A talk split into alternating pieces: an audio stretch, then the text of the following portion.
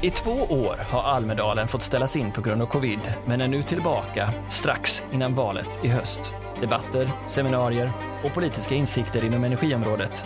Vad kan vara mer intressant? Jag heter Henrik Sjölund, jag är VD för ett företag som heter Holmen. Och eh, ja, för alla lyssnare ute som inte känner till Holmen, ni är en stor eh, elkonsument bland annat. Vad gör ni och vad är er verksamhet? Alltså vi är ett företag som framförallt har skogen i basen. Allt vad vi gör utgår egentligen från vårt skogsinnehav i Sverige. Och av det så gör vi, givetvis bedriver vi skogsbruk, men också tar vi hand om råvaran och framförallt så bygger vi hus och hem av trä. Men av det som blir över så gör vi också papper och kartong och bioenergi kan man säga. Ja, det är klart, jag borde ha börjat i det spåret. Om vi, om vi tar den änden då, har du sett någonting om, om bioenergi här den här veckan? Vi glömde en grej som inte riktigt har att göra med skogen, men vi har även ganska mycket energikonsumtion i våra pappersbruk, men vi har också produktion både i vattenkraft och, i vindkraft. Det är en rad frågor då som bara berört dig här under Almedalen ur ett energiperspektiv. Um, men då tar vi ett omsvep kring där vi precis var nu. Du har precis hört de energipolitiska talespersonerna summera sina respektive positioner. Där ni är ju en stor intressent i flera perspektiv som du nämner här nu. Vad, vad är det du tar med dig och vad är det du hör? Ja, till att börja med så är jag väldigt glad att faktiskt energifrågan har kommit upp högt upp på agendan. Där den varit i flera dagar nu. Jag har varit på flera arrangemang och även deltagit. Men den ligger högt och det är ju bra. Sen är vi, vi är konsumenter i södra Sverige där elpriset som du vet är både volatilt och högt och lite oförutsägbart. Och vi är producenter uppe i Norge där elen delvis är inlåst. Så att eh, vad man i första hand bör göra så tycker jag att vi ska inte ha interna handelshinder i Sverige. Det vill säga att vi måste se till att vi bygger bort överföringsflaskhalsarna som gör att elektronerna kan vandra fritt. Vilket gör att vattenkraften också kan användas där den behövs som bäst. Vi behöver stabilisera systemet i syd. Och så behöver vi tillföra ny kraft. Och då kommer vi till tillståndsfrågan, vilket också debatterats ganska mycket. Vilken av de här frågorna tycker du har belysts bäst då? Jag tycker man har varit igenom allihop faktiskt. Och tillståndsfrågan råder det ju en politisk enighet om att vi måste ta tag i tillstånd. Det handlar inte bara om att bygga ny kraft, det handlar om tillstånd för vår verksamhet, det handlar om ny miljöprövning av vår vattenkraft där sannolikt vattenkraften kommer att minska snarare än öka och så vidare. Alla är överens om att vi behöver göra något, men det som kanske inte diskuteras så mycket är ju hur går vi från vad vi tycker till verkstad och handling. Den här frågan då som har dominerat mycket av Almedalen, vindkraften mot kärnkraften, vad tycker du om den debatten? Jag tycker att politikerna ska sätta, det är dags för politikerna att kliva fram, sätta regelverk, allt från kommunala veton och så vidare, men de ska inte ha så mycket synpunkter på vilket kraftslag som ska väljas, det ska marknaden avgöra. Hur, hur kommer det sig, har du någon analys och vad tror du som gör att vi hamnar i det här läget när det är inte bara ni utan det är även LKAB och flera andra industrier som understryker exakt samma sak. Vad är det vi har missat? Jag vet inte vad vi har missat men igen om du tittar på vad partierna säger så är egentligen de är ganska överens om ja vi behöver ta tag i, i tillståndsfrågan och sen behöver vi ny kraft. Sen vilket kraftslag vi ska ha, ja men det är ett parti som pratar, eller ett par som pratar väldigt mycket om kärnkraft. Men i syvende och sist, lämna det till oss så löser vi det. Hur är viktig hastighetsfrågan för er?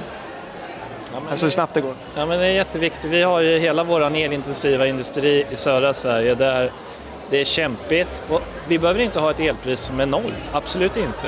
Men vi måste ha ett konkurrenskraftigt elpris versus kontinentaleuropa. Det är jätte, jätteviktigt. Och förutsägbarhet. Tänk på att vi investerar enorma pengar med kanske 20 års avskrivningstid. Då kan man inte jobba med veckor eller dagar eller som elpriset sätts varje timme eller snart varje kvart. Och hur rör ni er då? Hur manövrerar ni er med tanke på att ja, ni dels har mycket energi i form av skog men också behöver en hel del till era fabriker. Vilka strategier är det ni nu sätter på plats för att ja, bli det är klart att till att börja med så är vi återhållsamma med investeringar i elintensiv produktion, för vi vet inte. Ingen vet. Och sen så försöker vi minska risken på så lång sikt som marknaden medger genom att hedga elpris och så vidare. Men det är också väldigt kortsiktigt jämfört med, igen, den tidshorisont vi har när vi investerar. Och då går vi in på den frågan som jag kanske började lite felaktigt med, för vi kommer in på den nu. Frågan om skogens roll, biomassans roll och och ja, vad som har hänt med reduktionsplikten och EU-lagstiftning. Har den fått tillräckligt fokus under Almedalen här eller har det varit mest el?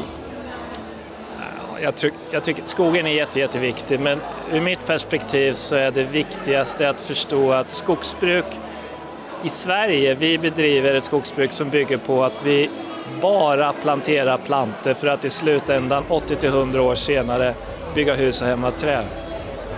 Biodrivmedel, såväl som papper och kartong och annan bioenergi, det är bara sånt som vi gör av det som blir över när vi odlar hus. Och det finns mycket missförstånd kring hur egentligen skogsbruket bedrivs. Framförallt i EU där man kanske tror att vi odlar skog för att elda upp den. Och så är ju inte fallet. Så att den diskussionen behöver fortsätta. Har ni fått gehör i de frågorna tycker ni från politiken? Bättre och bättre.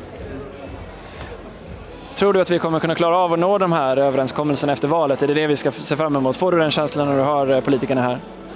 Jag känner definitivt att förutsättningarna finns. Jag, får väl, jag tror nog att saker och ting kommer se lite annorlunda ut när man sen räknar rösterna och ser vilken majoritet som eventuellt finns eller inte finns. Men att det finns en riksdagsmajoritet för en överenskommelse där man kommer att påskynda tillståndsprocessen, det tror jag definitivt. Tror du att det behövs en centralisering av beslut för att det ska komma dit? Tror absolut att politikerna måste kliva fram och sätta spelregler som gör att de inte lämpar över bördan på bolagen, för vi kan inte lösa allting. Däremot är det också jättetydligt att vi har både pengarna, ambitionen och viljan att göra jättemycket bra för Sverige. Om du blickar några framåt då och du har en vision, vad, vad, är det, vad ska Sverige vara någonstans som du ser det? Ska vi ha ett dubblat energisystem och tror du det är bra? Tror, om man tittar tillbaks, börjar med att titta vad vi har gjort i Sverige, så har vi gjort det jättebra när det gäller gamla politiska beslut som var modiga. Vi byggde ut vattenkraften, vi byggde kärnkraft. Nu står vi inför e- e- ett läge, ja vi gjorde en annan sak också, vi, vi har en miljöbalk som skrevs slut på 90-talet, som nog var rätt då. Nu behöver vi ändra lite och väga in andra intressen också lokal påverkan kontra nationell nytta eller kanske nytta för EU och planeten. Det finns inte riktigt, men det hoppas jag kommer. Sverige är dessutom elektrifierat mer processer än nästan alla andra länder i Europa. Fortsätter vi på det spåret så kommer vi kunna bli ett föregångsland. Kommer ni kunna bibehålla er konkurrenskraft i Sverige? Ja, det bygger på att vi lyckas med det vi precis pratade om när det gäller just papper. Men vår verksamhet är så mycket mer än det. Men jag tror att även den elintensiva industrin har en framtid i Sverige, ja. Tack så hemskt mycket. Tack själv.